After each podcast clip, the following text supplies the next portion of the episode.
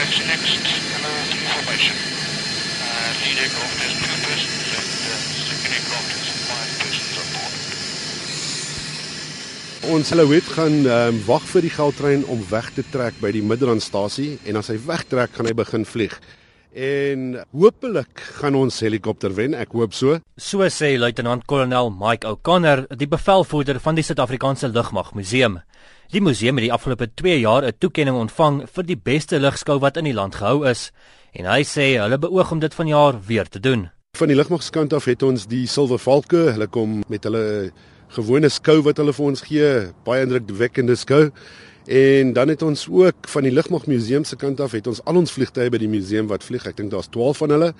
En dan het ons Elselot vliegtye van die publiek af. Baie van hulle is die ou Warbirds as hulle soos hulle bekend staan, die ou oorlogsvliegtye. En ons kyk na min of meer so 120 vliegtye wat gaan deelneem op die aan die skou. Ons hang nou in die lug en wag vir die resies om te begin. En daar begin die trein stadig wegtrek. Die helikopter hang nog. En ons beweeg nou kant toe terwyl ons net kan sien dat ah, daar begin dit nou. Trein is aan die gang. Die helikopter is aan die gang. Hulle is nog vir eers neus aan neus. Die helikopter uh, gaan heel moontlik saam met die trein beweeg. Hy sal nie kort pad kies nie. Die lugmag se C-130 Hercules en Mirage 3 sal ook tydens die skou vereer word vir 50 jaar se diens. Maar ou Kanner sê weens die lugmag se begroting wat ingekort is, sal hulle nie aan die skou deelneem nie. Ons eerste prioriteit is om ons lugruim te beskerm in Suid-Afrika, so met die fondse wat seker beskikbaar is, dis ons eerste prioriteit.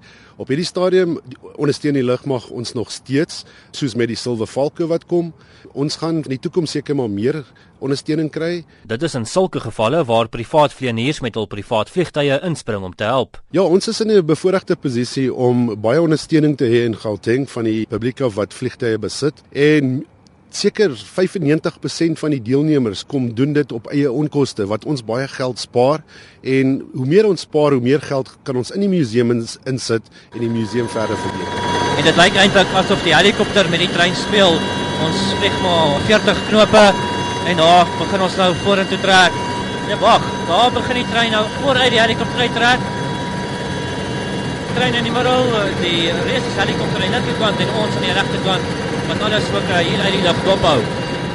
Maatskappye soos Bombela Concessions wat die goudtrein bedryf, sê hulle sit ook graag hand by die bemarkingsbestuurder van die Gautrain Julia Kiwi Smith. This is the second year in a row that we've been involved with the Air Force a museum and the reason why we have partnered with them is that they do great work, they have a number of great initiatives and the air show in particular we feel is a, is a fantastic family day out and so we have decided to put bus shuttles on the day to enable families to get to the air show easily. Dit sal moontlik een van die laaste kere wees wat die publiek die lugmag se kunstvliegspan, die Silver Valke in aksie sal sien dit na die lugmag verlede maand aangekondig het dat hulle dit sterk oorweeg om die span se vlekke te knip weens 'n tekort aan geld. En hier wag ons op die Gautrainstasie in Centurion om te kyk wie gaan wen.